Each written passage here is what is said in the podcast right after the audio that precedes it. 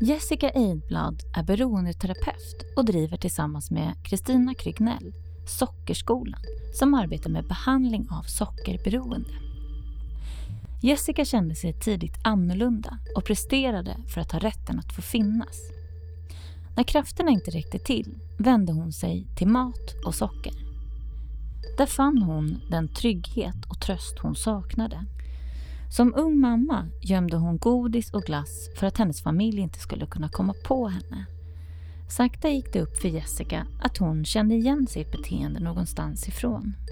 Nämligen att hon betedde sig precis på samma sätt som hennes mamma gjort när hon gömt vinflaskor i tvättkorgen. Det var beroendesjukdomen. Att vara sockerberoende innebär inte bara att du överkonsumerar socker och mat.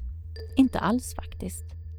Bland Sockerskolans klienter finns även de som inte tycker sig förtjäna att äta.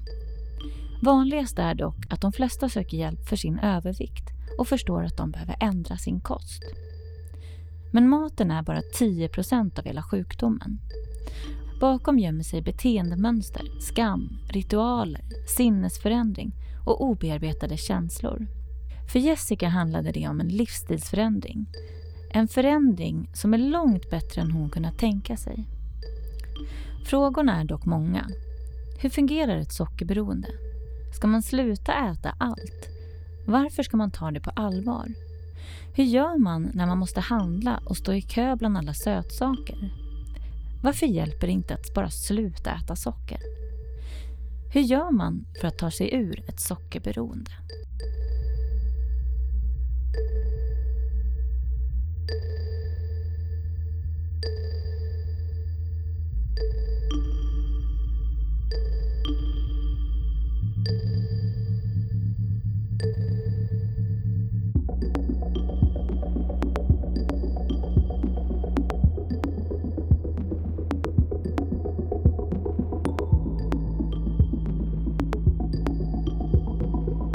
Välkommen till Medberoendepodden Jessica.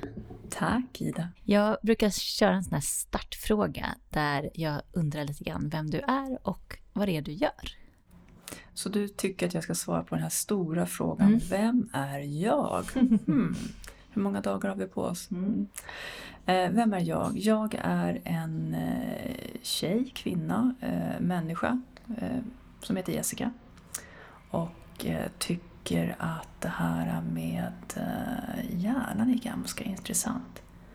Jag tycker att mat är väldigt gott. Eh, jag tycker att upplevelser är fantastiska.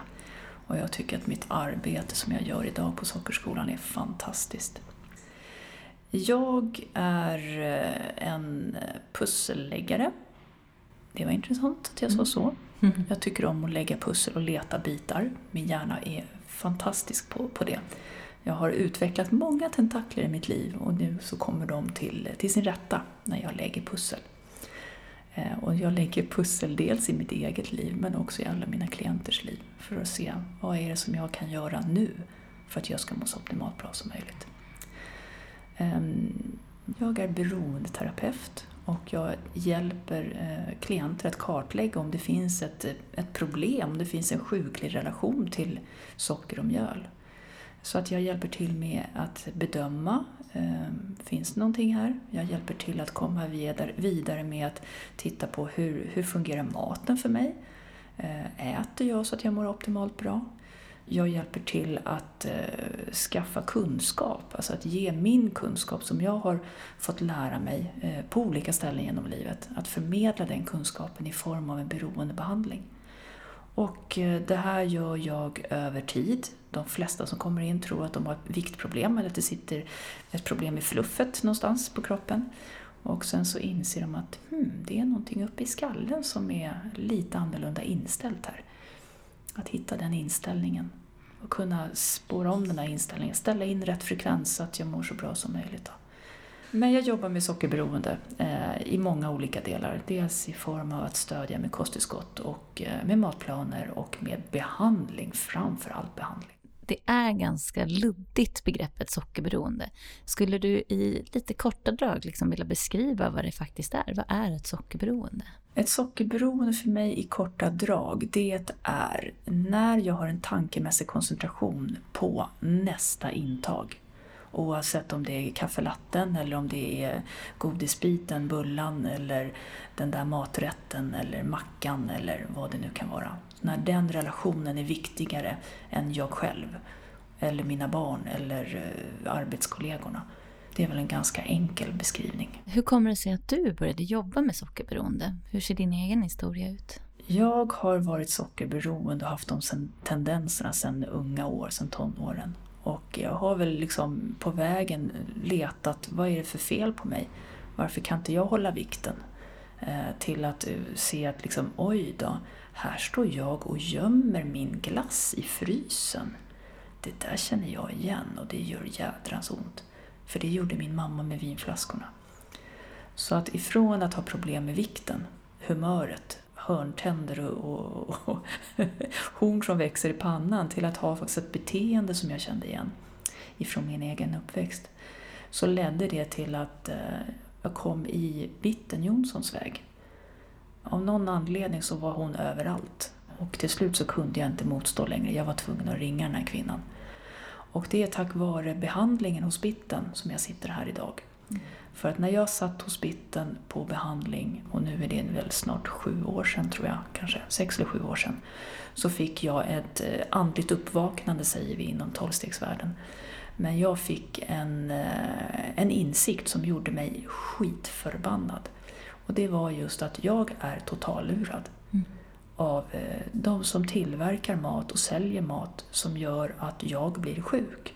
Och att jag inte äger den kunskapen. Så där och då på min andra eller tredje behandlingsdag så fick jag bara en insikt om att det här måste spridas.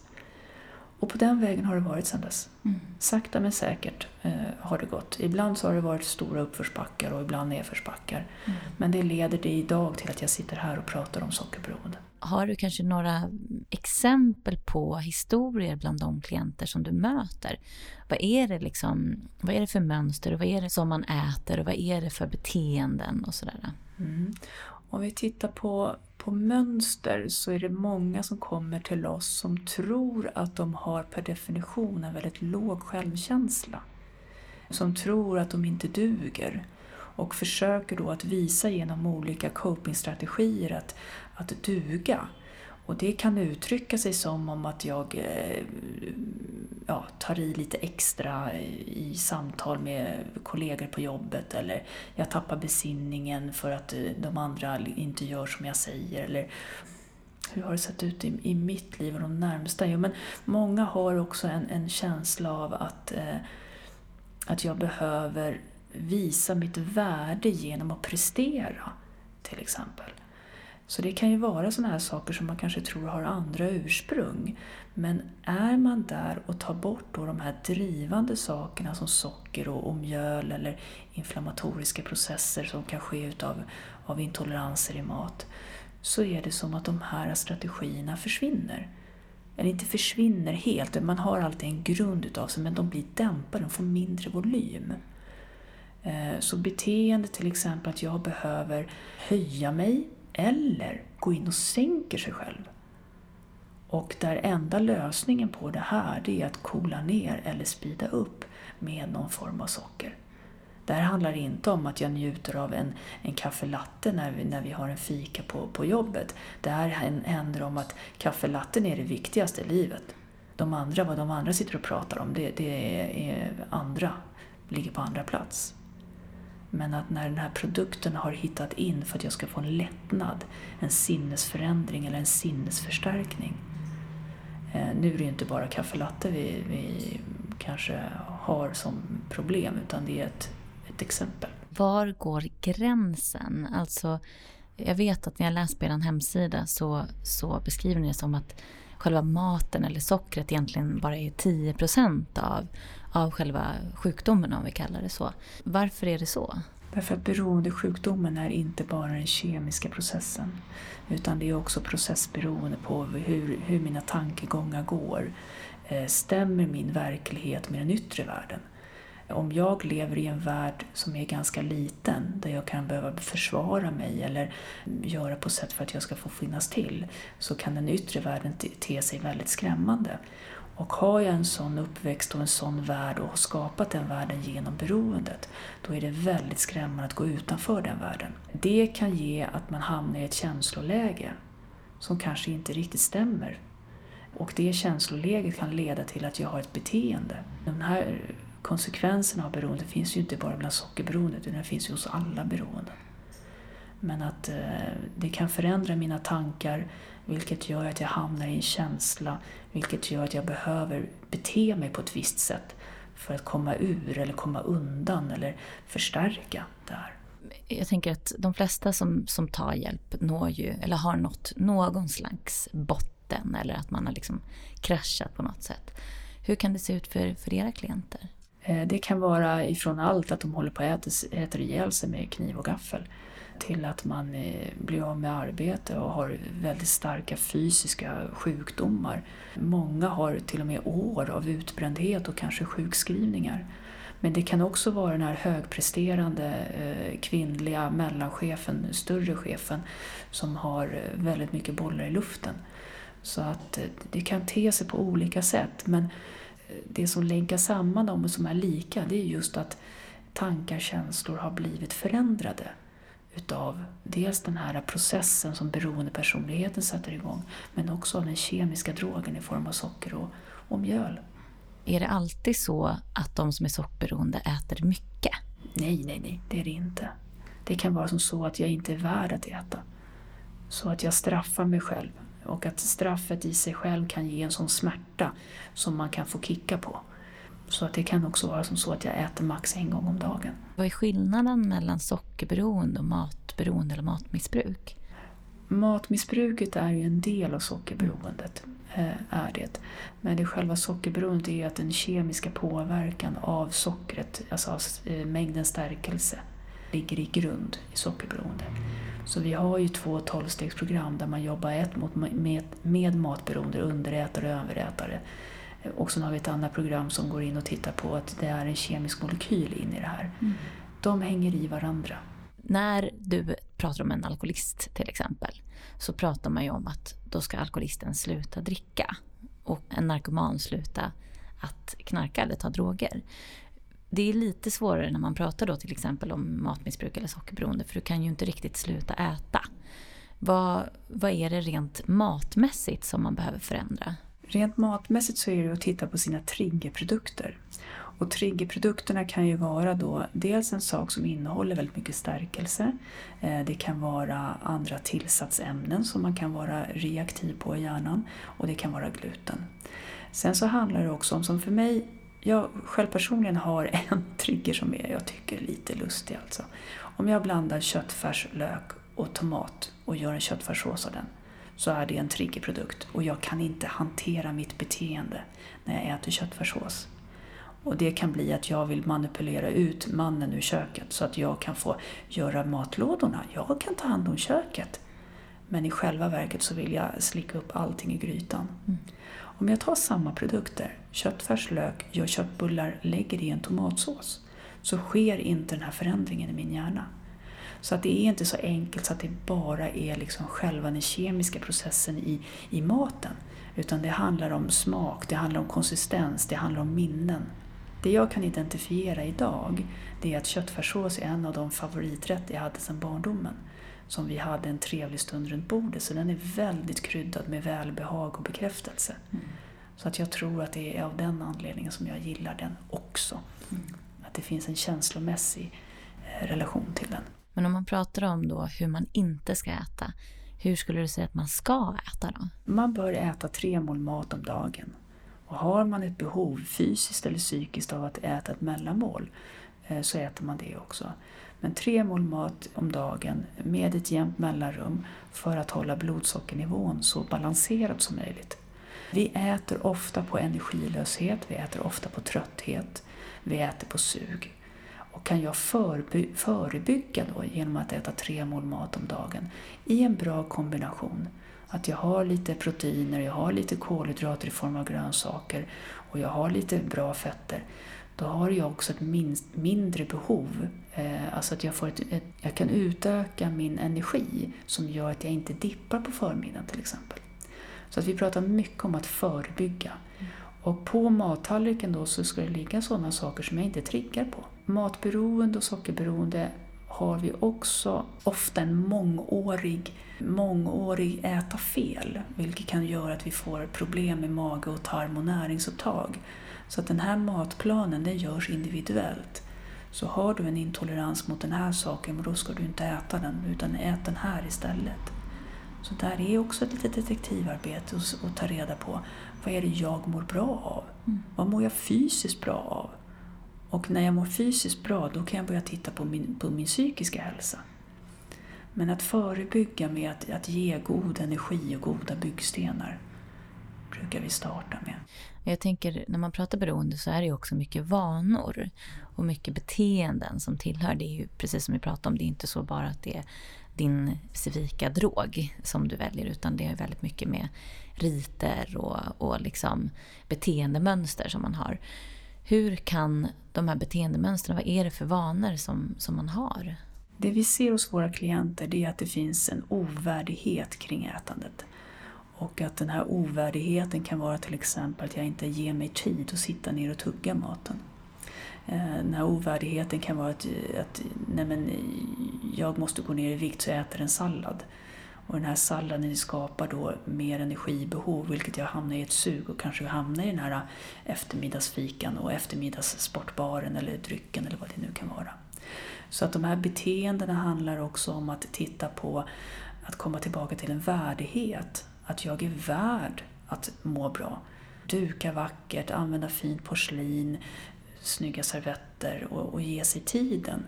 Men också kopplat till livet. Var befinner jag mig i livet? Vad är det jag har behov av? Vad behöver jag göra just nu för att jag ska må så bra som möjligt? Och för en del klienter så är det att ha en springande frukost. Visst, vi försöker titta på om man kan du gå upp lite tidigare och sitta ner och äta. Men det kanske inte funkar med barnlämning och dagis och, och skola och allt vad det nu heter. Och då kan det vara att man kanske får ett tips på att göra en bra smoothie och ta med sig och ha en drickande frukost. Men att jag lägger då tiden på mig själv under lunchen. Att jag ger mig 20 minuter som det tar för kroppen att reagera på att jag äter mat. Att jag får sitta då istället. Men mycket beteende kring det här med, med maten. När jag lagar maten så lagar jag mat. Eh, jag äter inte en middag innan. Medan jag lagar mat och äter en middag till. Det är ju ett ganska vanligt beteende. Du pratar om ritualer mm. Eh, och där har vi också ritualer på, vi ska ha fredagsmys och lördagsmys och söndagsmys och, och allt det här. Och det behöver vi också gå in och titta på. Vad är definitionen på mys? Är det att jag ska sitta med knäna uppdragna i soffan och skyffla i ostbågar ifrån den här skålen? Ja, då kanske jag inte ska byta ut eh, ostbågarna mot nötter och göra samma sak. Utan då kanske jag behöver titta på vad, vad är fredagsmys för mig? Alltså, vem är jag och vad behöver jag? Jag kanske behöver ha ett eh, samtal med någon. Jag kanske behöver ha en promenad. Eller jag kanske kan sitta här i soffan och gossa med ungarna och dricka en kopp te och njuta av den. Mycket njutning handlar ju om att vi ska stoppa in saker i munnen. Mycket känsel ligger runt munnen, så det är ganska normalt. Liksom, vår hjärna och vårt nervsystem har den här med njutningseffekten via mun och smak och konsistens och så. Och det jag önskar våra klienter, det är ju att ät din mat, njut av maten, men låt det inte bli halleluja. Inte varenda mål, utan att nu får jag bra byggstenar nu sitter jag här och har ett gott samtal tillsammans med dig och maten får gå tillbaka i betydelse. Men fortfarande på ett värdigt sätt. Ja, för det är intressant här, tänker jag, hur omvärlden, jag, inklusive jag själv, jag har försökt omvärdera ganska mycket senaste tiden. Just eh, hur jag förhåller mig till det här med att, att gå och alltså att äta en kaka eller att gå och handla någonting eller vad det nu kan vara. Att det ofta är, eller, eller ta ett glas vin eller så, att jag unnar mig, att jag förtjänar det här och så. Alltså det där eh, har jag börjat ifrågasätta ganska mycket sista tiden just för att men är det verkligen att unna mig? Det är ju väldigt ofta det är precis tvärtom. Liksom. Det är ju bara att det är en, en slags, ett slags sätt att se på det som jag upplever också. Alltså, jag tänker bara så här, när jag var liten liksom, så kollar man på amerikansk TV och alla drar fram en, en glass när, det är, när man är ledsen. Liksom. Alltså alla de här, eh, ja överhuvudtaget så tycker jag omvärlden, man pratar väldigt mycket om att man unnar sig och ja men jag förtjänar den här och så här. Vad tänker du kring det? Är det någonting du också eh, ser mycket? Ja, det ser vi mycket och det jobbar vi väldigt mycket med under våra 18 lektioner i, i nystarten. Mm. Eh, just det här att definiera om unna sig. Mm. Vad är unna sig? Och precis som du beskriver, vi blir ju lärda. Eh, vi kommer inte färdiga ut ur mamma utan vi behöver lära oss. Och vi lär oss ju genom att iaktta vad andra gör. Så det är klart att vi har ett samhälle som, som verkligen visar på oss, nu ska du unna dig det här och unna dig det här och du är värd det här. Men det där behöver vi gå in och falsifiera. Mm. Unna sig, ja men samtalet, det här när vi möter en annan människa över en måltid, det ska vi fortfarande göra. Mm. Men vad är det som är det viktigare i det här? Är det gemenskapen eller är det måltiden? Det är klart att det ska få ta utrymme, men någonstans så ska det få ta utrymme till den normala graden. Och inte liksom att ögonen ska gå och tanken ska gå till allt det här vi ska äta. Utan att blicken ska upp i ögonen och möta människan jag har framför mig. Det där var ganska intressant att titta på i mitt eget tillfrisknande för att jag trodde inte att jag fick vara värd att vara med när vi hade våra grillmiddagar hemma. Just det här med glas vin och, och mat. Det var ju en av de bästa händelserna som, som vi hade i vårt liv. Och i, i min process att, eh, att bli nykter så gick, ju, gick det ju in i att titta på, på den här händelsen. Vad betyder den här händelsen för mig? Ja, men den är viktig för mig. Men varför är den viktig? Och det var väldigt fint att få göra det arbetet. För att det är fortfarande viktigt för mig och värdefullt för mig att ha människor hemma på en grillmiddag. Men jag behöver inte ha vinet och jag behöver inte ha den typen av maten. Utan jag kan välja en, en mat som, som jag mår bra av. Och det får ju mina gäster också äta såklart. Eh, men jag sitter inte med vinet. Ett substitut för det, medan jag höll på att utforska det här, det var att göra starkt te och dricka som om jag drack ett rosévin. Så att jag gick väl in och gjorde någon, min egen substitutionsbehandling där i början. Mm. Idag så kan jag vara eh, lika nöjd med vatten som jag kan gå och vara nöjd med ett eh, citronvatten med mynta från trädgården. Men också att vid tillfällen så kan jag eh, koka ett starkt te, låta det svalna av och ha i vinglas. Mm. Men det är inte det som har betydelse längre. Så att när vi går in och tittar på det här med sockerberoende så är det ju också att titta på sina beteenden men också definiera om. Vad har jag för värderingar? För den här sjukdomen den kliver in och plockar bort våra värderingar. Och där behöver jag gå in och identifiera vad är det för värderingar jag vill leva efter i livet. Och gå in och definiera om dem. Mm. Och det kan jag inte göra själv, det behöver jag göra med någon annan. Mm. Men om man vänder på kakan då, eh, bokstavligen, eh, så, så tänker jag att det är ju också, vi lever ju också i ett samhälle som, som skammar socker och ätande och att då unna sig något. Och det är ju verkligen, vi lever ju i kontraster just nu. Där undrar jag lite grann, så här, ska du alltid känna skam om du tar en chokladbit i kaffet? Eller hur, hur förhåller ni er till det? Skam är ju ensamt drivande stark faktor i beroendesjukdomen mm. så att vi behöver avskamifiera allt. Är det som så att du klarar av att ta en chokladbit i kaffet, att den här chokladbiten inte hittar in i huvudet och du vill inte ha två chokladbitar imorgon och fyra chokladbitar dagen efter och fortsätta att ta chokladbit varje dag. Ja men självklart, har inte du det beteendet så kan du visst njuta av en chokladbit. Och då tänker jag säga, men njut av en god kopp kaffe och en chokladbit och av samtalet. Men har den här chokladbiten, att den går in och tolerans, alltså du, du måste öka mängden och du vill använda det varje dag för att nu har vi det mysigt. Ta en funderare då. Är det det här jag behöver? Kan jag behöva gå in och titta på den här händelsen? Mm. För att vi är olika. Alla har inte ett sockerberoende. Nej. Men jag tänker då om man tittar på den delen av samhället då som, som förespråkar hälsa, så mm. ta hand om din hälsa och träna och ät rätt och sådär. Kan, kan ni se, är det någon gång ni har klienter som, som har liksom tagit den vägen, att man har gått i åt, alltså överdrift åt det hållet? Oh ja, det har vi verkligen. Mm. Det är ju som så att vi, sjukdomen är ju en beroende och den har ju många olika utlopp. Och de som kommer till oss, de kommer ju för socker och mat. Men när vi stänger de dörrarna då är det precis som att beroendet behöver leta i andra dörrar och öppna. Och det är väldigt, väldigt vanligt att man går in i en överträning eller en överkonsumtion på piller eller vad det nu kan vara. Mm. Så att eh, livet kan gå in i absurdum på många olika delar. Och där är ju också tillbaka i ett samtal med en annan, vad är, vad är en normal träning? För jag menar, vi kan kicka på det mesta här i livet.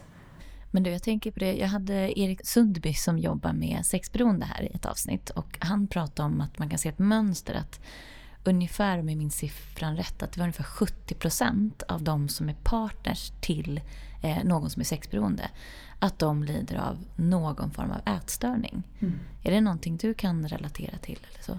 Mm, stora siffror. Mm. Intressant. Mm. Ja, jag tänker att om man lever i en relation eh, där jag behöver vara på min vakt, där jag går in och förändrar mitt beteende, så tar ju det massor med energi. Och ett av de snabbaste sätten att få in energi det är ju via socker och fett. Det är ju vad våra kroppar cravar. Så att få in det som en kompensation för att få in mer energi i kroppen så förstår jag att man väljer socker och mat och, och sådana saker. Man pratar om medberoende, jag tänker du har ju själv erfarenhet av växte upp med en mamma som, som drack för mycket vin eller som var beroende. Är det också ett mönster? Alltså att, som du, du pratar om perfektion till exempel, att högprestera och så. Det är ju väldigt vanligt när man pratar om medberoende. Kan du se sådana mönster också? Alltså finns det många anhöriga eller medberoende som ni, som ni har hos er? I Craig Nackens bok Beroendepersonligheten så skriver han att eh, det verkar som att barn till alkoholister har väldigt lätt för att fastna i matmissbruk. Just för att eh, det är det sättet man går in och löser konflikter på eller sinnesförändrar på. Så att, eh, att få mat som en, en kompensation på, eh, på yttre omständigheter, det är inte konstigt alls. Och min egen erfarenhet var ju det jag, det var ju det jag flydde till. Mm. När jag inte fick den bekräftelsen och uppmärksamheten och, och ville sinnesförändra så var det ju godiset som var mina bästa vänner. Mm. Så det blev min tröst. Liksom. Ja, det var min tröst. Någonstans kapitulerar inför att det här beteendet jag har är inte bra och du börjar nu ta tag i det. Du går till er och eh, framförallt då kanske börjar titta på just matbiten då kanske kan jag tänka mig till att börja med. så om man då tittar på omvärlden, alltså en alkoholist som precis håller på att bli nykter kanske ska undvika att gå in på barer och sånt där, att det är ju väldigt onödigt att utsätta sig för det. Men det är väldigt svårt att undvika att gå in i en matbutik om du, du behöver handla, liksom, handla din mat. Och nu för tiden, jag har tänkt på det jättemycket, alltså att du går in i en butik så bara möts du av en, en nygräddad bullardoft och står du i kassan så är det där allt godis är och så. Alltså hur hanterar, hur hanterar man det? Mm. Har ni några strategier där? Oh ja, vi har en lektion där vi går igenom våra sinnen. Mm. Just det att eh, när vi pratar med vår hjärna så gör vi det antingen med tankar inifrån eller med våra sinnen utifrån. Och en lektion så går vi bara igenom våra sinnen för att ta reda på vilket sinne är mest aktivt hos mig. Eh, och också för att kunna få strategier för de olika sinnena. Så att gå och handla, det är ju det är en värsting riskfaktor för oss eh, mataddicts. Och då är det ju planering, jag får planera för risksituationen, jag planerar vad jag ska handla, jag planerar vilka gånger jag ska gå i.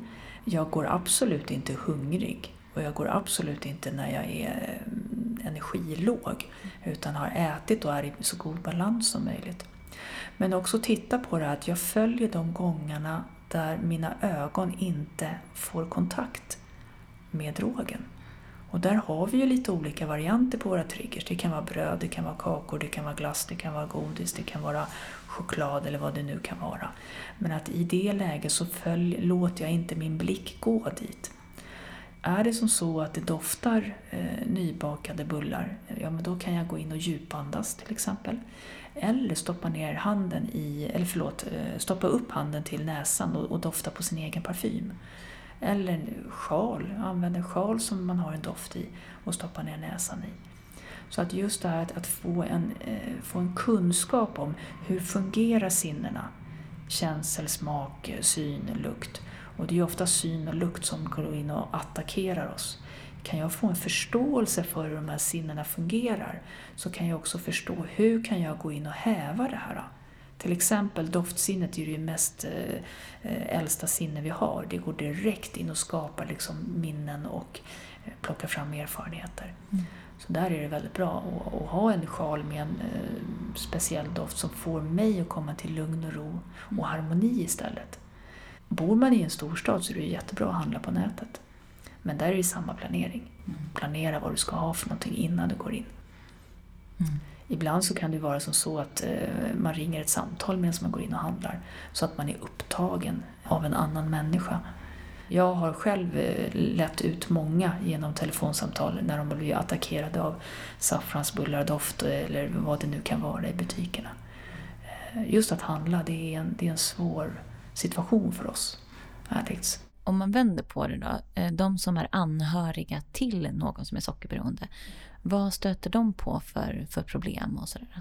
Ja, det så blir det ju att de får ju också gå in och titta på en definition. Är det sant att brödet ska ligga på, på skärbrädan framme? Kan det vara som så att vi ska lägga undan det så att det inte syns, så att det inte är där i första anblick? Är det sant att vi ska äta de här produkterna? Kan det vara som så att vi ska välja den här skinkan till exempel, som inte innehåller tillsatt socker? Så att det, alltså runt varje beroende så har vi flera som blir berörda. Så familjen blir berörd. Och det här är svårt. Men det vi märker också att vi bjuder in våra anhöriga till en lektion i nystarten. Mm. Eh, där de själva får komma in med de frågor som de har och funderingar och, och fråga efter de, de här praktiska verktygen. Hur gör vi i köket? Mm. Vad ska få ligga i lådorna? Vad ska synas för, för mina anhöriga som har den här problematiken? Vår upplevelse, och våran i det här läget är jag och Kristina som driver Sockerskolan. Vår upplevelse är att eh, anhöriga blir lättade efter den här lektionen. För att i beroendebehandlingen så blir ju också de påverkade. De blir påverkade av läkningsprocessen. Så att eh, den, den som går och är klient hos oss, de behöver ju ha med sig sina anhöriga på tåget. Och det brukar öppna upp för väldigt kärleksfulla diskussioner där man går in och tittar på är det sant att vi ska ha fredagsmys här? Hur kan vi hantera det här? Kan det vara som så att du går ut och tar en promenad med en sockersyster medan vi sitter här och tittar på film och, och kidsen får ha sina godisskålar med sin, med sin ranson i? Mm. Det kan vara en lösning för en period. Men vi behöver ha med familjen mm. in i behandlingen. Och jag skulle nästan vilja önska att vi hade en parallell eh, behandling. Nu du Kristina, nu får vi jobba på mera material här. Mm. nej, men just att, att, få in de här frågorna, för att det handlar ju inte bara om vad som står på bordet eller skärbrädan. Det handlar om tankar och beteenden där med. Får jag säga ifrån att inte jag vill äta den här skinkan med det här sockret i? Eh, kommer du göra slut med mig då? Eller kan vi ha en kärleksfull diskussion kring det här? Mm. Det kanske är bra för både dig och mig och våra barn att vi äter en skinka som inte innehåller tillsatt socker, till exempel. Om nu en person har krackelerat och liksom nått sin botten och så vänder man sig till er. Vad är det ni hjälper till med? Vad får man för hjälp hos er? Eh, vi visar på riktning, gör vi.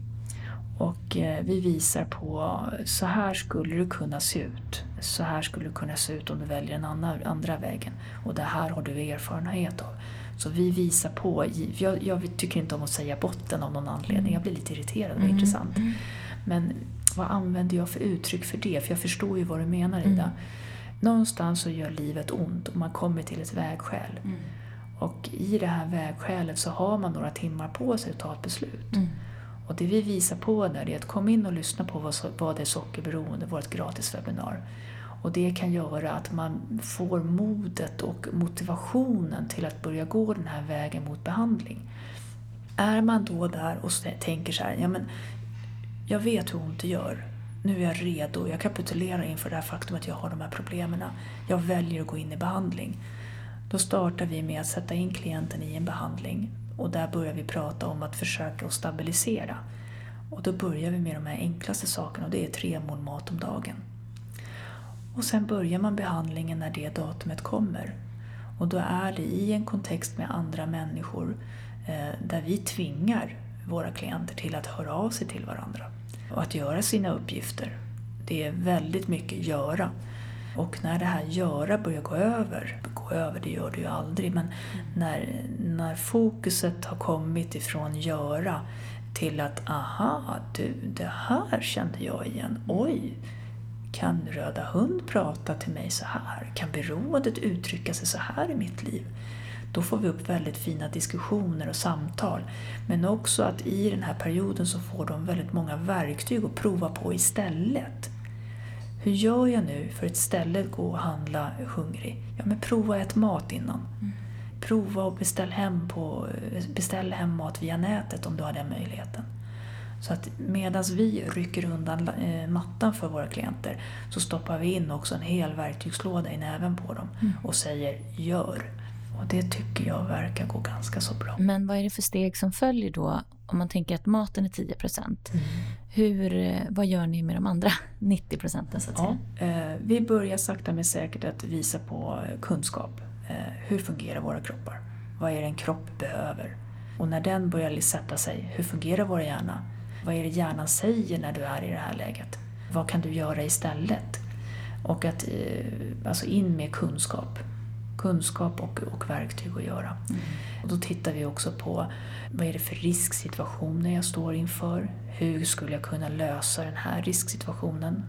Handling har vi pratat om. Eh, vi har varit inne lite grann på middagar.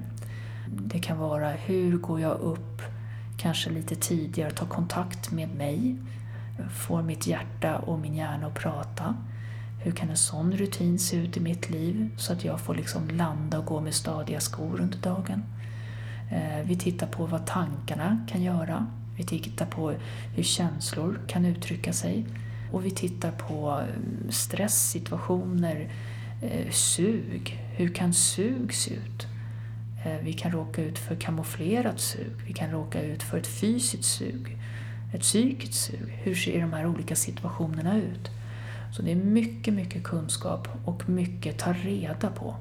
Det är ett gediget program de går igenom, våra klienter, under 18 veckor i mm. första delen. Om man då tittar på en person då som har tillfrisknat från sitt sockerberoende, hur lever en sån? Ofta så har man ju, alltså, vad, vad brukar vi säga, leva livet på livets villkor. Eh, en person i tillfrisknande kan ta hand om tankar när de kommer.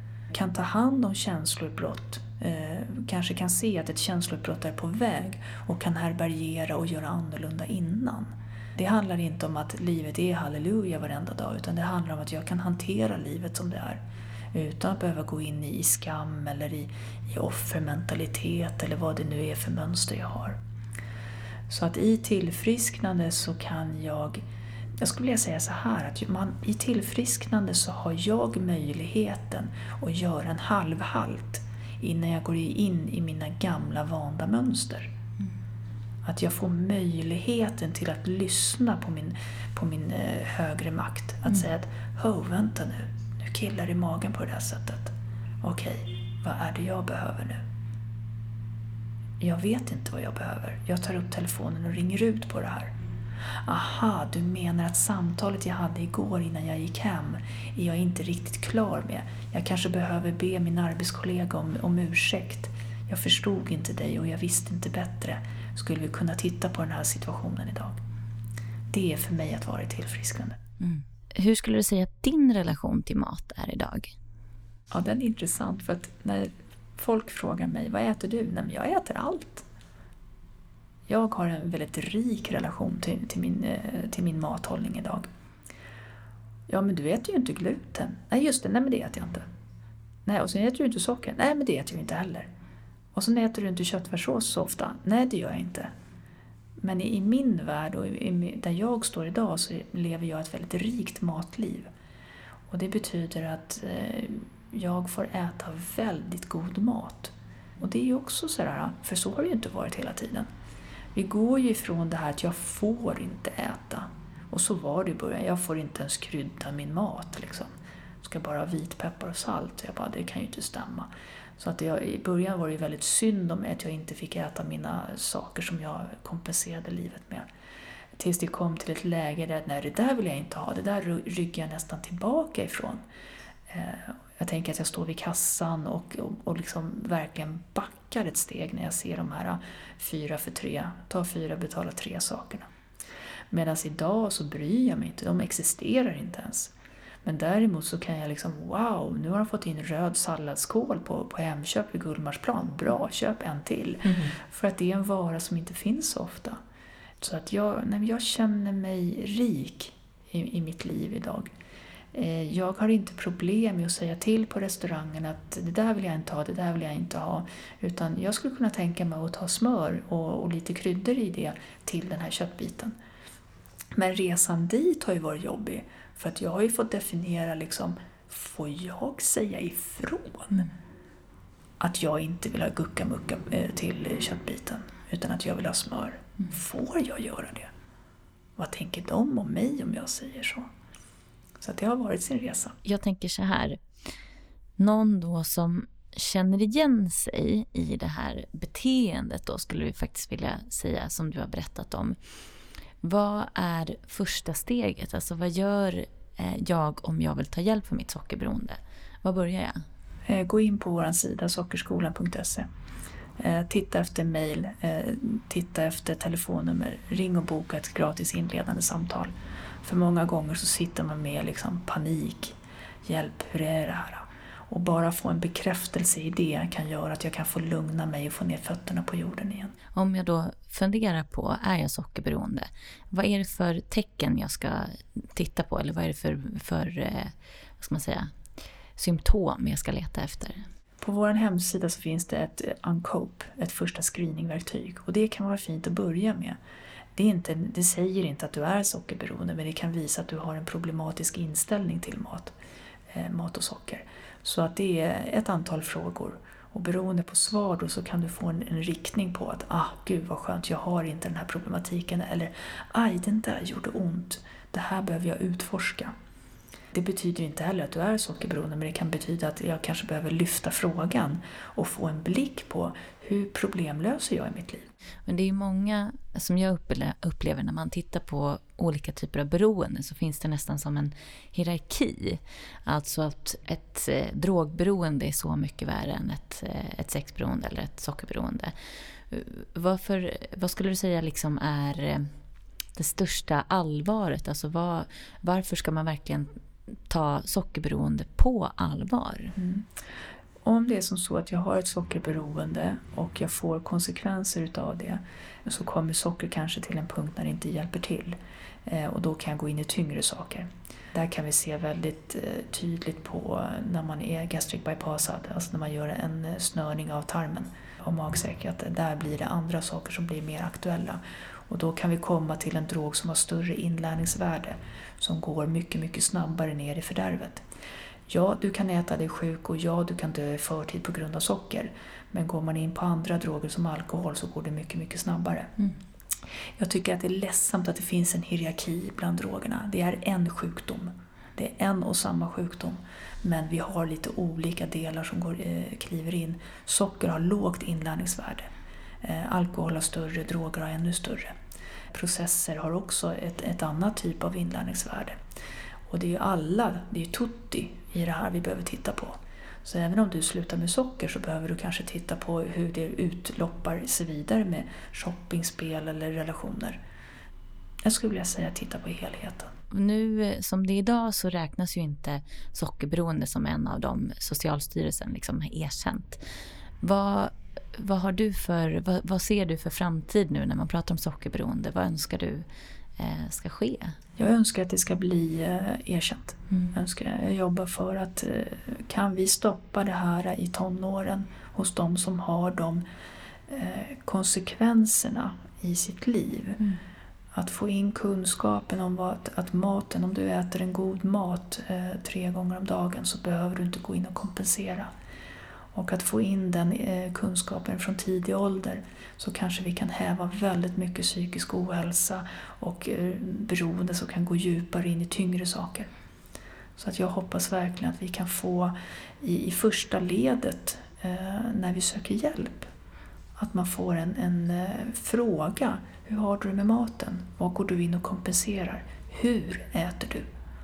Inte liksom kanske vad, för att i den här sjukdomen så har vi också väldigt mycket förnekelse.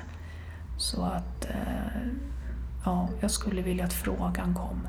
Vi kommer att lägga upp kontaktuppgifter som hur man kan komma i kontakt med dig och er. Jag vill tacka dig jättemycket Jessica för att du har varit med i Medberoendepodden. Tack! Mm. Tack Ida för att jag fick komma. Tack. Tack. Vill du komma i kontakt med Jessica och Sockerskolan kan du gå in på www.sockerskolan.se. Och vill du veta mer om medberoende samt var du kan vända dig så kan du gå in på www.medberoendepodden.se. I sociala medier heter vi Medberoendepodden. Följ oss där.